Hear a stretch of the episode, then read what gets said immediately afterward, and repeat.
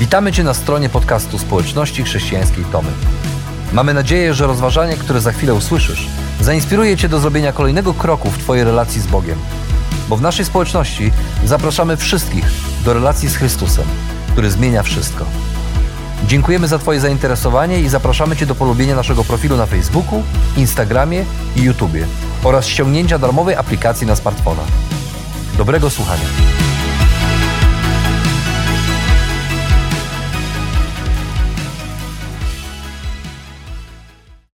Całe nasze życie składa się z pewnych przekonań. Walczymy o nie, dlatego że jesteśmy o czymś święcie przekonani. Chcemy, aby szanowano nasze przekonania, chociaż czasami y, nie szanujemy przekonań innych, albo mamy z tym problem. I w końcu na podstawie swoich przekonań podejmujemy ważne życiowe decyzje. I czy nam się to podoba, czy nie, nasze przekonania wpływają nie tylko na nasze życie, ale wpływają na życie naszych bliskich. Bo przecież wszyscy dobrze wiemy, że to, w co wierzymy, wpływa na to, jak żyjemy. A to, w kogo wierzymy i jak żyjemy, wpływa na to, gdzie, gdzie spędzimy wieczność. Czasami, czasami bywa tak, że z powodu swoich niewłaściwych przekonań nie jesteśmy w stanie dostrzec e, dobra, które dzieje się w naszym życiu. Jakby dzieje się obok nas. Czasami tak się na czymś zafiksujemy, że trudno nam zobaczyć więcej niż czubek własnego nosa. I zamiast cieszyć się, że na przykład syn dobrze uczy się w technikum i z chęcią zgłębia zawodowe przedmioty, rodzice są źli, że źli na niego, że nie poszedł do dobrego liceum, do którego oni chcieli, żeby poszedł. A zamiast Zamiast cieszyć się, że córka poznała fajnego chłopaka, wyszła za mąż, urodziła zdrowe dziecko i razem tworzą zgodną, kochającą się rodzinę, jej rodzice są oschli dla niej, dla wnuków, bo nie akceptują zięcia, bo córka wybrała nie tego, którego oni chcieli, żeby wybrała. Zamiast cieszyć się z nowego życia, małżonkowie są źli na siebie, bo dziecko pokrzyżowało ich życiowe plany. Marzenia o nowym mieszkaniu, dobrej pracy się nie ziszczą, przynajmniej nie teraz, nie w tym momencie. Z powodu silnego zafisowania się na swoich przekonaniach, na swoim zdaniu, często nie widzimy dobrych rzeczy wokół siebie, bo sprawy, bo sprawy może nie układają się tak, jakbyśmy chcieli, bo rzeczy dzieją się nie po naszej myśli. A skoro tak się sprawy układają, to, to często złościmy się na siebie, na samych siebie i na bliskich. Często złościmy się na, na tych, którzy są dla nas ważni i niszczymy relacje, na których głębi serca nam bardzo, bardzo zależy. Gdy nie dostrzegamy tych wszystkich dobrych rzeczy, nasza relacja z bliskimi i z Bogiem wystawiona zostaje na poważną próbę. Bo naprawdę łatwo oddalić się od bliskich, którzy doświadczają dobra, ale nie po naszej myśli. Wtedy nie będą już tacy bliscy. Będzie to syn, którego szkoła i pasja nie bardzo nas obchodzą. Będzie to córka, która ma jakąś rodzinę, jakiegoś męża, nie tego, którego chcieli dla niej rodzice. Będą to małżonkowie, których dziecko miało zbliżać ich do siebie, a ich od siebie oddaliło. Łatwo też oddalić się od Boga, który do końca życia może pozostawać jako jakiś Bóg, gdzieś odległy, który może i słucha, ale nie zawsze daje to, co chcemy. I tak możemy przeżyć życie, nie rozumiejąc, kim On naprawdę jest i dlaczego jest taki, jaki jest. Mamy swoje silne przekonania na temat Boga i sposobu, w jaki On powinien działać. A On, a on często nie działa tak, jakbyśmy tego chcieli. I przestajesz dostrzegać te zwyczajne, drobne, dobre rzeczy, które dzieją się w Twoim życiu. Zapominasz, że one są właśnie od Niego i zaczynasz powoli żyć w przeświadczeniu, że ten Bóg jakoś słabo o ciebie dba, nie dając tego, czego pragniesz. A gdy trudno nam dostrzec dobro, które nas otacza, którego doświadczamy od Boga, nasze relacje z bliskimi wystawione zostają na poważną próbę. A czasami, czasami wydaje nam się, że wiemy, co robić, by zasłużyć na Bożą przychylność. Jednak nie zawsze nasze przekonania są właściwe i nie zawsze prowadzą nas we właściwą stronę.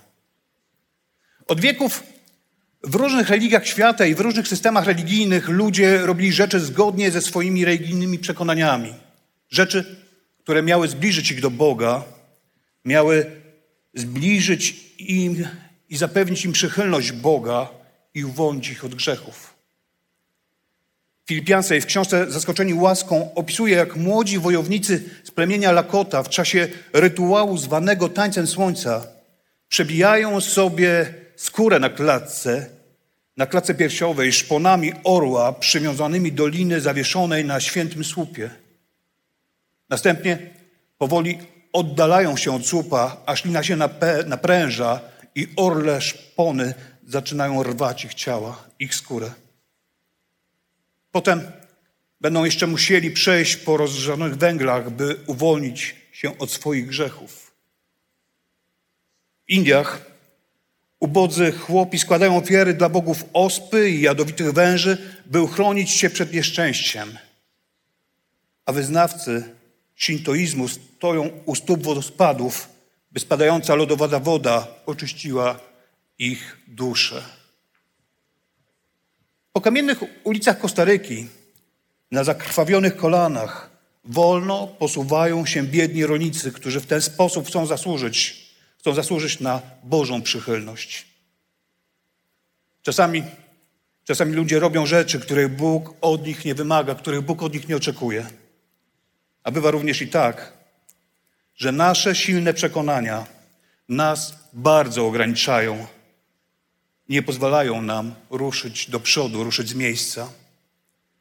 Te przekonania mogą zatrzymać nas w jednym miejscu przez wiele, wiele lat, tak jak na wiele, wiele lat zatrzymały chorego człowieka z naszej dzisiejszej historii, tak jak zatrzymały religijnych przywódców tamtych czasów, ich powodów, ich mocnych religijnych przekonań. W Ewangelii Jana piątym rozdziale od pierwszego do siódmego wiersza czytamy oto takie słowa.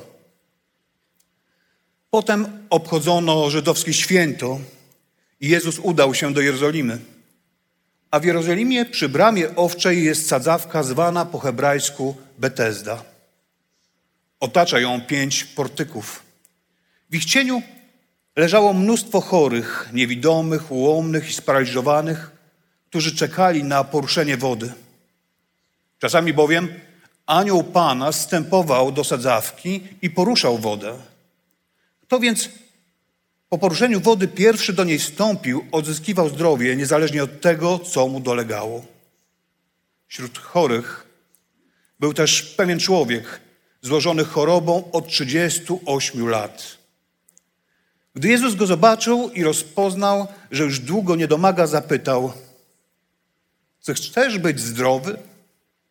Chory odpowiedział: Panie, nie mam człowieka, który wrzuciłby mnie do sadzawki tuż po poruszeniu wody, a zanim ja sam dojdę, inny wchodzi przede mną.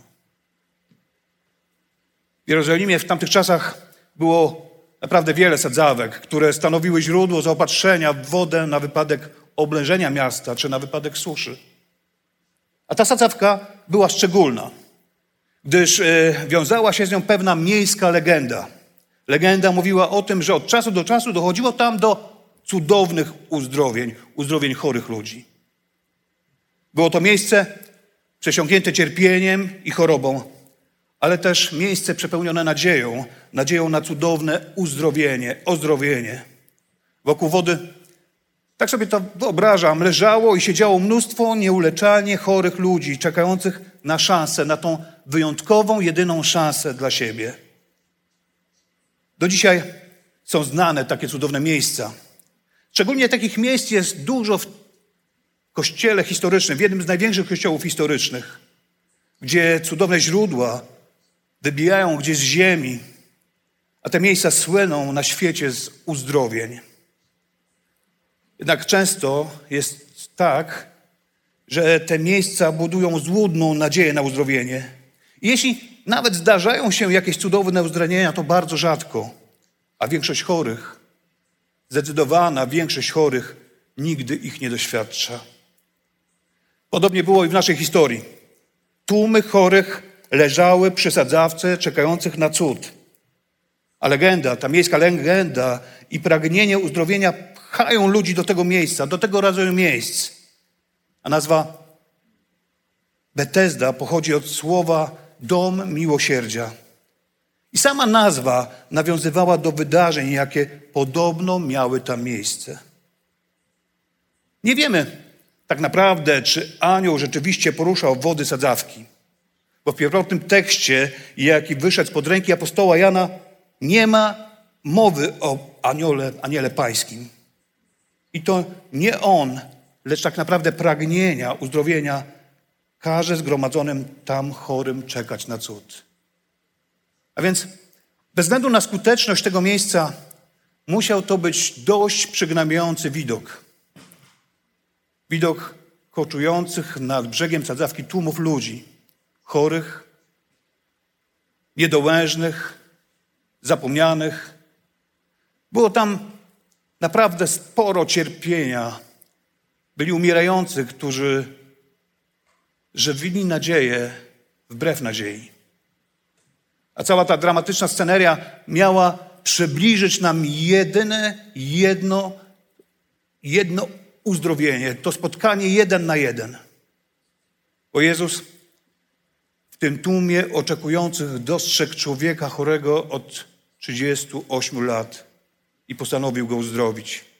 Postanowił go uzdrowić z własnej inicjatywy. Wśród chorych był ten, który według relacji Jana nie miał żadnych szans na uzdrowienie, gdyż inni byli szybsi od niego. A Jezus w tym tłumie czekających na cud dostrzega jednego człowieka i trudno jest określić, jakie były jego kryterium wyboru. Nie wiemy o tym. On, ten człowiek, miał jednak dostąpić radości uzdrowienia, radości nowego życia w pełni zdrowia. Niewiele wiemy na temat tego chorego. Jedynie strzępy informacji, ale to i tak jest naprawdę dużo. Chorował od 38 lat. To bardzo długo, nawet w naszych czasach, tak naprawdę więcej niż połowa życia. A wtedy, a wtedy, gdy życie trwało zdecydowanie krócej, to potężny odcinek czasu. To w zasadzie całe życie. Więc pomimo beznadziejnej sytuacji, człowiek ten widzimy w tym tekście, wykazał ogromną determinację. Codziennie udawał się na cedzawkę, czekając na cud. A jego cały świat, jego cały świat to kawałek kamiennej podłogi. Kawałek kamiennej podłogi nad wodą i inni chorzy. Codziennie ktoś zaprzyjaźniony przynosił go nad wodę i wracał po niego wieczorem. A można powiedzieć, że człowiek ten żywił nadzieję na zdrowie wbrew nadziei. Bo przez 38 lat przecież nic się nie wydarzyło w jego życiu, a wokół niego od czasu do czasu może ktoś był uzdrowiony, a on? A on nie miał siły, aby dotrzeć do wody jako pierwszy. Możemy sobie jedynie wyobrazić, co działo się w sercu tego człowieka.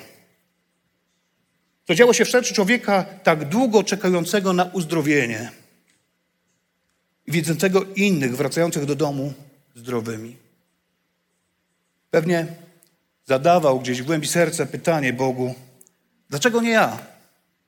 Dlaczego ja muszę czekać? A może nigdy nie dostąpię uzdrowienia? A może nigdy się nie doczekam? Oto pewnego dnia nad wodę pojawia się człowiek, którego chory nie zna. Nic o nim nie wie i człowiek ten zadaje mu tak naprawdę absurdalne pytanie – absurdalne pytanie w tej sytuacji. Czy chcesz być zdrowy? Po tylu latach czekania na cud takie pytanie wydaje się niestosowne. Wydaje się wręcz dziwne, jednak tylko pozornie. Niepełnosprawność w tamtych czasach miała też dodatkowe aspekty, trochę pozytywne aspekty. Zapewniała pewien dochód z jałmużny, jako pobożni Żydzi dawali niepełnosprawnym. To była taka renta wypłacana przez pobożnych i sprawnych ludzi, dla ludzi niepełnosprawnych. Czy chcesz być zdrowym? To dobre pytanie. Chory spogląda na Jezusa z nadzieją, może to ten zdrowy mężczyzna poświęci mi trochę czasu. Może poczeka na poruszenie wody i zaniesie mnie do niej. Jego odpowiedź, jego odpowiedź nie ma człowieka, nie ma człowieka, który by mnie tam zaniósł, jest właśnie tego typu prośbą. Jest to skarga połączona z ofertą i nadzieją. Może wreszcie znajdzie się ktoś, kto poświęci mi swój czas, kto poświęci czas temu bezbożnemu grzesznikowi, temu choremu 38 lat i przyprowadzi go do wody. Chory, leżący od 38 lat, nie był przygotowany, nie spodziewał się aż tak daleko posuniętej interwencji Boga. Niepotrzebne było wejście do wody. Niepotrzebne było ściganie się z innymi. Niepotrzebny był anioł. Wystarczyło tylko słowo Jezusa. I dalej w tym tekście czytamy: Wówczas Jezus polecił: Wstań, zwiń zaraz swoje posłanie i zacznij chodzić. I chory natychmiast wyzdrowiał, złożył to, na czym leżał i chodził. A właśnie tego dnia był szabat. Tylko tyle. Wstań, weź łoże swoje i chodź. To słowa, które wypowiedział Jezus do chorego od 38 lat mężczyznę. To takie wydaje się proste nam, zdrowym ludziom, kiedy możemy każdego ranka wstać i iść do pracy, iść do szkoły i żyć. To dla nas wydaje się bardzo proste wstać i pościelić swoje łóżko i wyjść z domu. Jednak nie tak wyglądało życie tego człowieka. Przy jego łożu pojawia się obcy mu człowiek i nakazuje właśnie to zrobić. Warto zwrócić uwagę na jeden fakt, na jeden ważny fakt w tym tekście. Uzdrowienie przychodzące od Boga przychodzi natychmiast i zawsze jest w pełni skuteczne i zawsze jednoznaczne i nie ma żadnych wątpliwości. Jeżeli Bóg uzdrawia, uzdrawia skutecznie, natychmiast, jest to uzdrowienie zawsze jednoznaczne. Wśród tłumu chorych dyskretnie pojawia się Jezus i podchodzi do jednego z nich. Jezus widzi jego krzywdę, interesuje się nim, rozpoczyna z nim rozmowę. Jezus uzdrawia go nie wodą z sadzawki, ale mocą swojego słowa. Parę lat temu przyjechał do naszej wspólnoty pewien pastor o imieniu Greg. Greg kiedyś, gdy opowiadał swoją historię, kiedyś był gangsterem i narkomanem. Greg śmiał się, gdy bliscy prosili, by, by się opamiętał, żeby zwrócił się do Boga, bo tylko w Bogu można mieć nadzieję. Jakiego Boga odpowiadał? Jakiego Boga krzyczał? Nawet jeśli się jest, to trzyma się z dala od takich ludzi jak ja, mówił. I pogrążał się coraz bardziej w beznadziejnym życiu.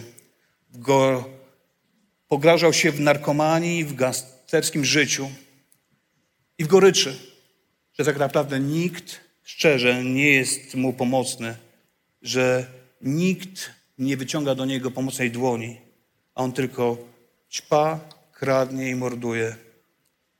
Tak naprawdę za niedługo miał zamiar zaćpać się na śmierć. A gdy w pewnej nocy jego najbliższy przyjaciel przedawkował, Greg zawiózł go pod szpital i zostawił jak psa pod drzwiami. Wtedy tamtej nocy nastąpił przełom. Trząśnięty swoją podłością padł w domu na kolana i w głowie koletała się jedna myśl. Bóg. Jezus. Gdy rano się ocknął, ta myśl wciąż była w jego głowie. Jakoś trudno by było spać tego ranka. Zaczął szukać czegoś po szafkach i w szafce znalazł Nowy Testament. Zaczął czytać, ale nie rozumiał. Żeby rozjaśnić umysł, w końcu zaćpał, wziął narkotyk. A gdy dalej czytał, zauważył, że minął dzień, minęła północ, a on zapomniał o kolejnych dawkach narkotyku, które miał wziąć. A dziś Grek opowiada swoją historię. Jest jednym pastorów dużego, rozwijającego się kościoła. I dzisiaj Grek opowiada to dlatego, że tamto, w tamtym momencie w swoim życiu, tam na Melinie, w której żył i wegetował, przyszedł do niego Jezus. Jezus pod postacią swojego słowa. I taki jest Pan Bóg dzisiaj. To nie jest jakiś tajemniczy, bawiący się, kto pierwszy, ten lepszy, poruszający wody w sadzawce, czekający, aż spełnisz jakieś warunki, specjalne warunki, czy pojedziesz do świętego miejsca. To Bóg, który przychodzi do każdego miejsca, w jakim się znajdujesz w życiu. To Jezus Chrystus, który wie, że czasem, tak jak ten chory w Ewangelii, jak Grek, nic nie jesteś w stanie, stanie zrobić, aby zasłużyć na przychylność Boga. I przychodzi On do ciebie tam, gdzie jesteś. Czy to Melina, czy więzienie, czy może najgorszy grzech, czy choroba, bo On jest Bogiem. Jezus jest Bogiem, który wnosi uzdrowienie w nasze chore, pełne grzechu życie. Musimy być gotowi, aby to życie przyjąć, przyjąć z Jego rąk. A gdy bliżej przyjrzymy się tej historii, okazuje się, że chory nie rozpoznał w uzdrowicielu Jezusa. Bo czytamy dalej, że Żydzi nagabywali więc uzdrowionego. Jest szabat, nie wolno ci dźwigać posłania. Lecz on odpowiedział, ten, który mi przywrócił zdrowie, poleciłbym je złożył i zaczął chodzić. Kim jest ten człowiek? zapytali, który ci to polecił. Lecz uzdrowiony nie wiedział, gdyż Jezus niepostrzeżenie oddalił się od zgromadzonego w tym miejscu tłumu. A potem, gdy Jezus spotkał go w świątyni, powiedział: Oto wyzdrowiałeś. Nie grzesz więcej, aby nie stało ci się coś gorszego. Wtedy ten człowiek odszedł i powiedział Żydom, że to Jezus przywrócił mu zdrowie i właśnie dlatego, że Jezus takie rzeczy czyni, w szabat Żydzi go prześladowali.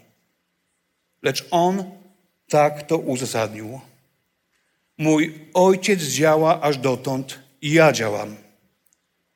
Stąd Żydzi tym usilniej starali się go zabić.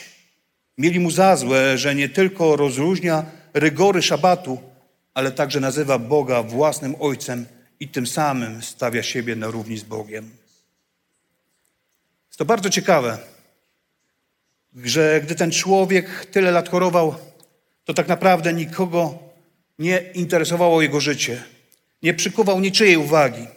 Nie interesował się nikt jego losem i nikt nie zamartwiał się jego samotnością.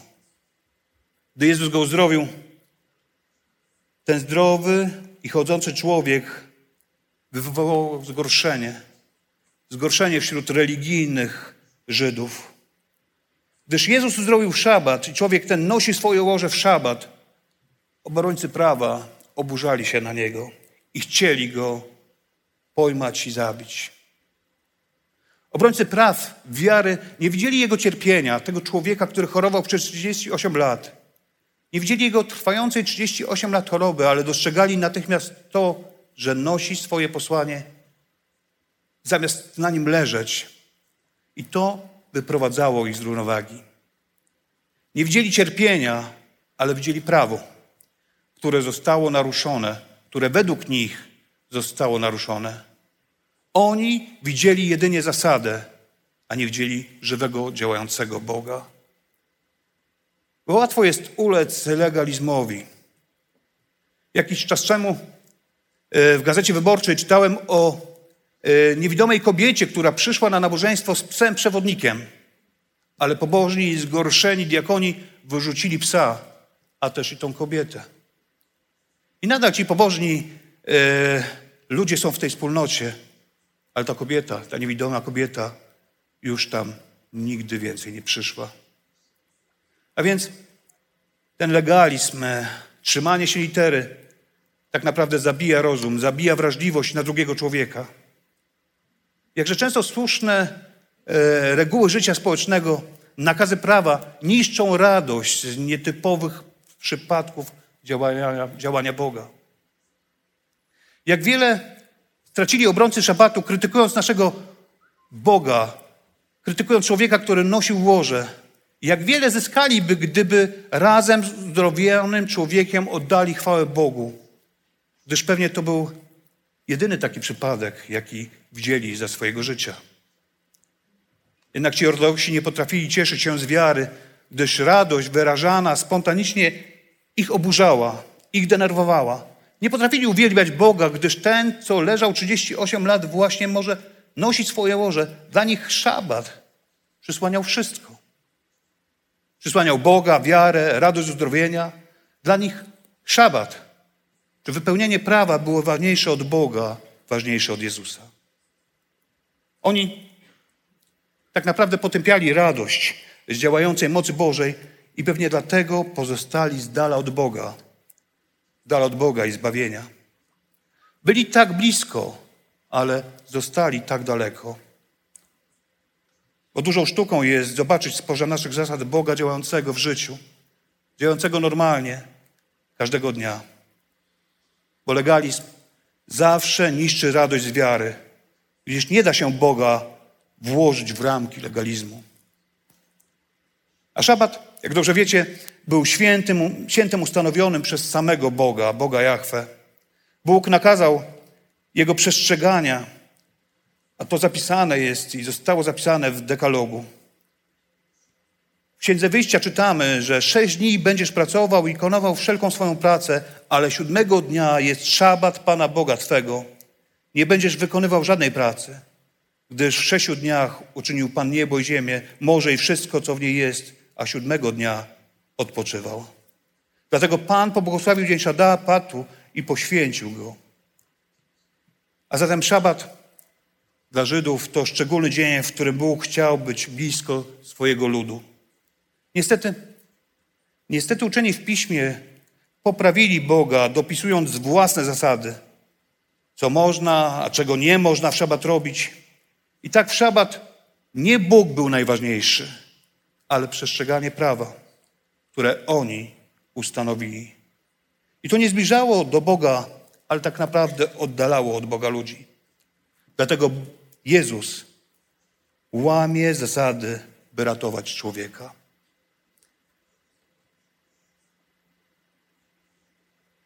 Karetka pogotowia zabrała z noclegowni w pewnym dużym mieście do szpitala dziecięcego rumuńską, romską dziewczynkę z wodogłowiem. Dziewczynka to dostała ataku padaczki. A lekarz na izbie przyjęć chciał e, szybko zaopiekować się chorą. Był przychylny, pochylił się nad e, leżącym dzieckiem w ciężkim stanie i był gotowy zrobić wszystko, aby to dziecko ratować, aby zadbać i zaopiekować się tym chorym dzieckiem. Ale e, za przepierzenia wychyliła się nagle pielęgniarka i wołała do rodziców, ewidentnie to byli Romowie, e, wołała do nich, przynieście dokumenty, PESEL proszę podać, dowód, dowód ubezpieczenia.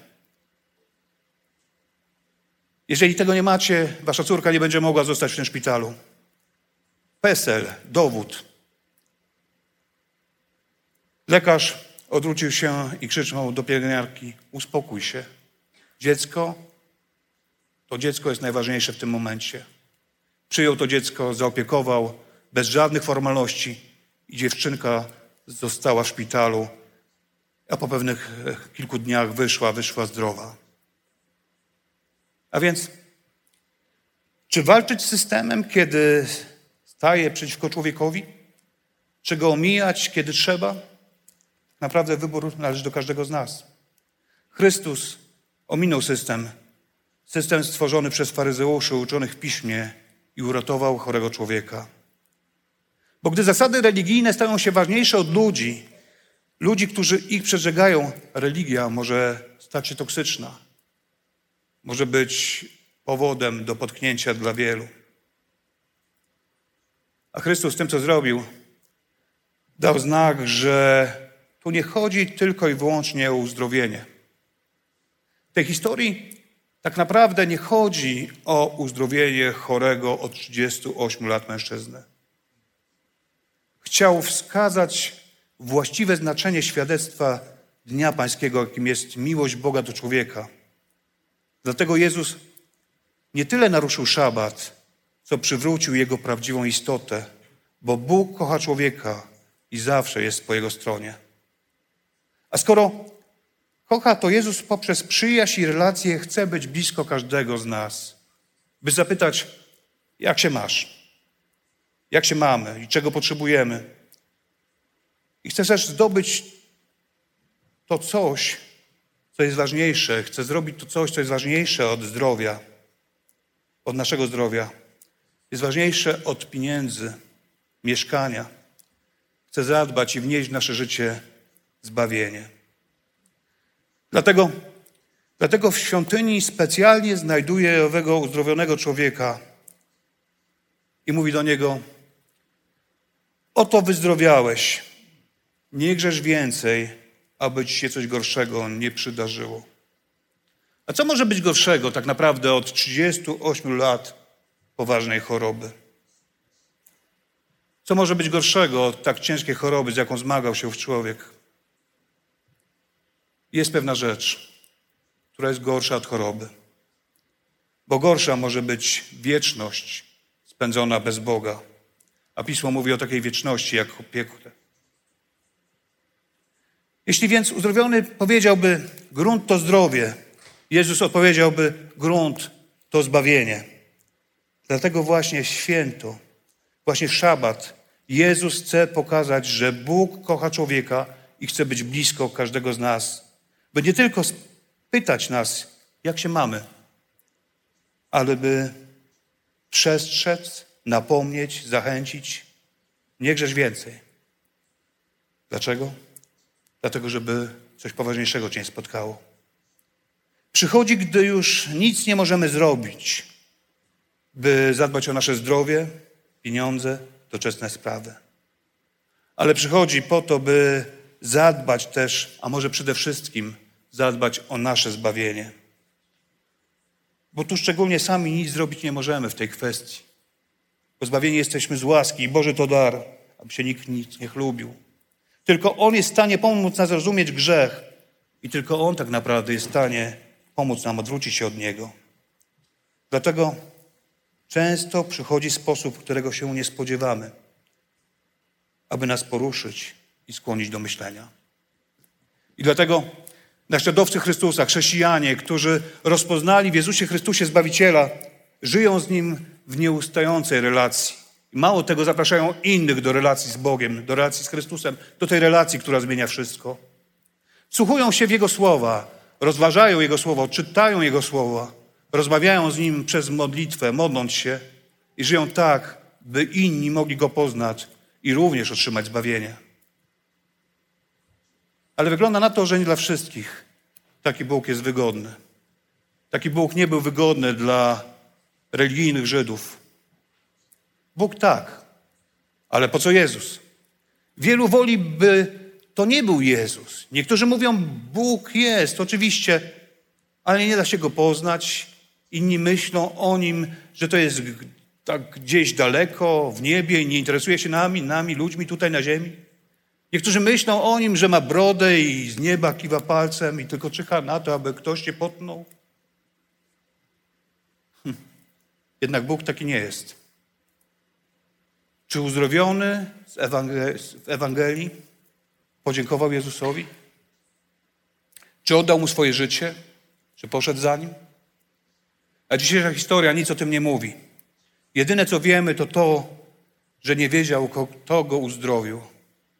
A gdy Jezus spotkał go w świątyni, poprosił, by więcej nie grzeszył. Najpierw bezwarunkowo go uzdrowił, a później stawia mu warunki. Nie grzesz więcej. Wiemy też z tej historii, że faryzeusze uczeni w piśmie nie uczysili się z, że z tego powodu, że chory odzyskał zdrowie. To nie było dla nich ważne. Ważne było to, że Jezus złamał prawo i że siebie nazywa Bogiem.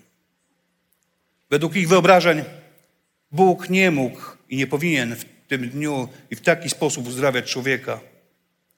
Czasami i nam się wydaje, że Bóg powinien działać w ściśle określony przez nas, przez religię sposób. Tymczasem On, tak jak w tej historii, przychodzi do każdego z nas w niespodziewany sposób, poprzez bliskość, przyjaźń, budowanie relacji. Staje się tym najważniejszym w naszym życiu i zachęca nas do tego, aby żyć dobrym, świętym życiem, aby z Nim spędzić wieczność. A robi to po to, by przełamać granice, jakie oddzielają nas od Niego, byśmy mogli żyć blisko Niego na ziemi i wieczności. Dlatego, kiedy Jezus działa nie tak, jak się tego spodziewasz, to zaufaj Mu, pamiętając, że to On jest Bogiem, który pragnie być blisko Ciebie tutaj na ziemi i w wieczności w niebie.